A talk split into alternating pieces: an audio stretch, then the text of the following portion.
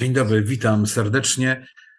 Chciałbym zaprosić do krótkiej refleksji na temat poczucia zagubienia. Czym jest poczucie zagubienia? Nie chodzi tylko o dosłowne znaczenie, gdy wchodzimy do lasu. Dzisiaj nie trzeba iść do lasu, można zgubić się w dużej galerii, można zgubić się na jakimś osiedlu w mieście, gdy stracimy poczucie kierunku, poczucie orientacji. Ale nie o tym chcę dzisiaj mówić. Chciałbym zastanowić się nad zagubieniem psychicznym, zagubieniem duchowym. Psychicznie, z perspektywy kwestii diagnostycznej, możemy powiedzieć, że zagubienie to jest stan utraty kontroli nad swoim życiem. Jest to cecha depresyjności, gdzie tracimy poczucie pewności siebie, obniżony nastrój towarzyszy temu. Często y, zaczynamy mieć y, lęk obawę przed tym, co się wydarzy, ba, nawet możemy doznawać agorafobii, boimy się kontaktu z innymi ludźmi, czujemy się inni, wyobcowani, wyalienowani. I to jest właśnie zagubienie, że tracimy wiarę w siebie, w poczucie wartości własnych umiejętności. Cóż jeszcze możemy powiedzieć o zagubieniu? Możemy zerknąć na zagubienie z perspektywy biblijnej. Cóż takiego Biblia mówi o zagubieniu? Oczywiście Biblia nie jest kodeksem kryteriów diagnostycznych dla oceny choroby, ale Biblia jest Słowem Bożym, którym jest mądrość. Mądrość, która odkrywa nam prawdę o tym, jaki i kim jest Bóg, i o tym, jacy my i kim my jesteśmy i możemy być. Gdy zerkniemy do pierwszej księgi Mojżeszowej, rozdziału trzeciego, przeczytamy tam historię, historię, która czasami przez niektórych ludzi, może nawet i chrześcijan, Niektórzy jest traktowana jako pewien mit, to znaczy legenda. Legenda o tym, że było dwoje ludzi w raju i tych dwoje ludzi złamało pewną zasadę, umowę, która była zawarta między Bogiem a nimi, między ich stwórcą a nimi jako stworzeniem, że nie przekroczą pewnej granicy, nie sięgną po owoc zakazany. Jednak stało się tak, że zerwali ten owoc i nastąpiły określone skutki. A skutki to były takie, że, że właśnie zaczęli odczuwać zagubienie. Gdy czytamy fragment, przeczytamy tam, że Bóg, przechadzając się w powiewie dziennym w raju, tam gdzie osadził ich, gdzie, gdzie w zasadzie posiadali wszystko, czego potrzebowali do życia i pobożności, mówiąc krótko. Czyli do tego, żeby się nakarmić, żeby upoić swoje, swoje oczy, żeby doznać wszelkich doznań fizjologicznych, fizycznych, bo był to mężczyzna i kobieta, kochający siebie, pałający do siebie pożądajem, spełniający swoje pragnienia w tym zakresie, spełniający pragnienia intelektualne poprzez rozmowy, konsultacje. Zatem niczego nie brakowało do tego, Bóg nawiedzał ich życie, ale postanowili sięgnąć po coś, co było zakazane. I raptem nastąpiły pewne skutki. Bóg wraca ponownie w to miejsce, jakim jest ogród Eden i poszukuje ich i woła Adamie, gdzie jesteś?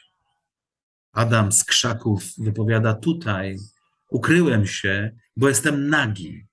I Bóg od razu wiedział, i to jest właśnie ta obserwacja boska jako dobrego diagnosty, od razu wiedział, co jest przyczyną.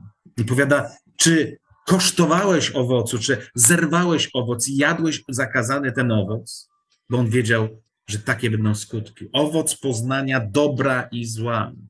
Z tym, że w tym momencie to nie było dobre dla nich, tylko doświadczyli również i zła. Zła, które polegało na, na tym, że posiadali niepokój, wszechogarniający lęk, poczucie wyobcowania, potrzebę ukrycia. Dlatego też przykryli się zielenią, liśćmi, próbowali to zatuszować, brakowało im odwagi, nie mieli pewności siebie, nie chcieli spojrzeć Bogu w oczy, dlatego skryli się gdzieś w krzakach. Pan Bóg mówi, gdzie jesteś? I to pytanie, gdy patrzymy na tę historię, możemy powiedzieć, że to jest pewnego rodzaju archetyp, nie mit, bo archetypem może być i prawdziwa historia. Archetyp jako pewien model zachowania i postawy. Co znaczy, że doświadczenie z raju, czyli konsultacja, konfrontacja z zakazanym owocem i ze skutkami złamania pewnych zasad, jest doznaniem współczesnym, tak bardzo aktualnym i w życiu każdego z nas. Każdy z nas ma swoisty raj, w którym są pewne granice, których nie należy przekroczyć.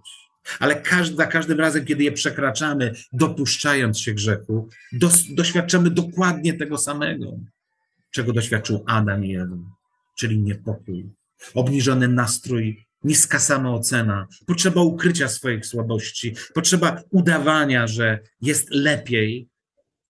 Ale tak jak w tej historii, tak i w naszym życiu, Bóg wychodzi na ścieżkę i krzyczy i woła: Gdzie jesteś? I oczekuje Twojej odpowiedzi. Oczekuje, że tak jak Adam zrobił to, że przyznał się, powiedział prawdę, co się z nim stało, chociaż wcześniej próbował to ukrywać. To jednak wiedział, że przed Bogiem tego nie ukryje. Powiedział prawdę, otworzył się. Jak czytamy dalej historię, Bóg nie potępił ich całkowicie. Oczywiście ograniczył ich możliwość korzystania z raju, jednak dał im prawo życia, życia, które będzie wciąż nosiło konsekwencje tego upadku, czego i my dzisiaj również doświadczamy poprzez posiadanie grzesznej natury. Ale jaki cel jest Boga stojącego w powiewie dziennym na ścieżce raju, by wyciągnąć z krzaków, z peryferiów życia człowieka, który się uwikłał w swoje problemy?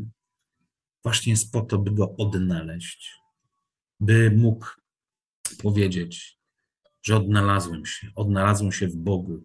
Bóg mnie odnalazł. Jeśli zaufamy Ewangelii, zaufamy w boską mądrość zapisaną w Słowie Bożym, zaczniemy odradzać nasze życie, podobające się Bogu i doświadczać Jego łaski, radości, namiastki raju, do którego dążymy w Królestwie Niebios. Na koniec chciałbym przytoczyć taką pewną historię prawdziwą.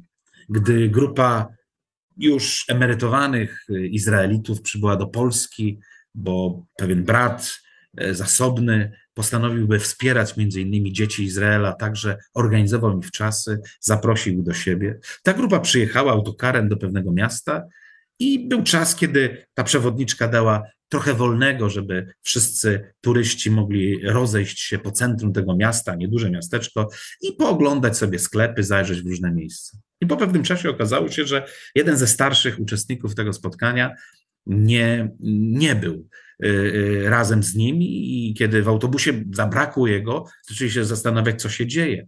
Postanowili go poszukiwać. Zaczęli go poszukiwać bardzo, y, bardzo konkretnie, ale w efekcie okazało się, że ciągle go nie ma.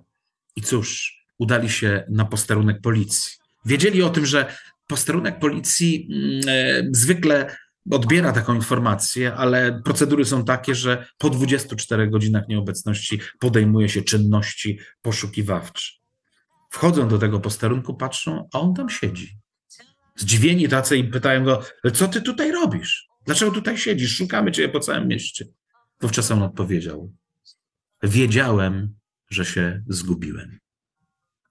Czy wiesz, w jakim miejscu jesteś? Bóg pyta, czy gdzie jesteś? Czy wiesz, gdzie jesteś w, w punkcie swojego życia?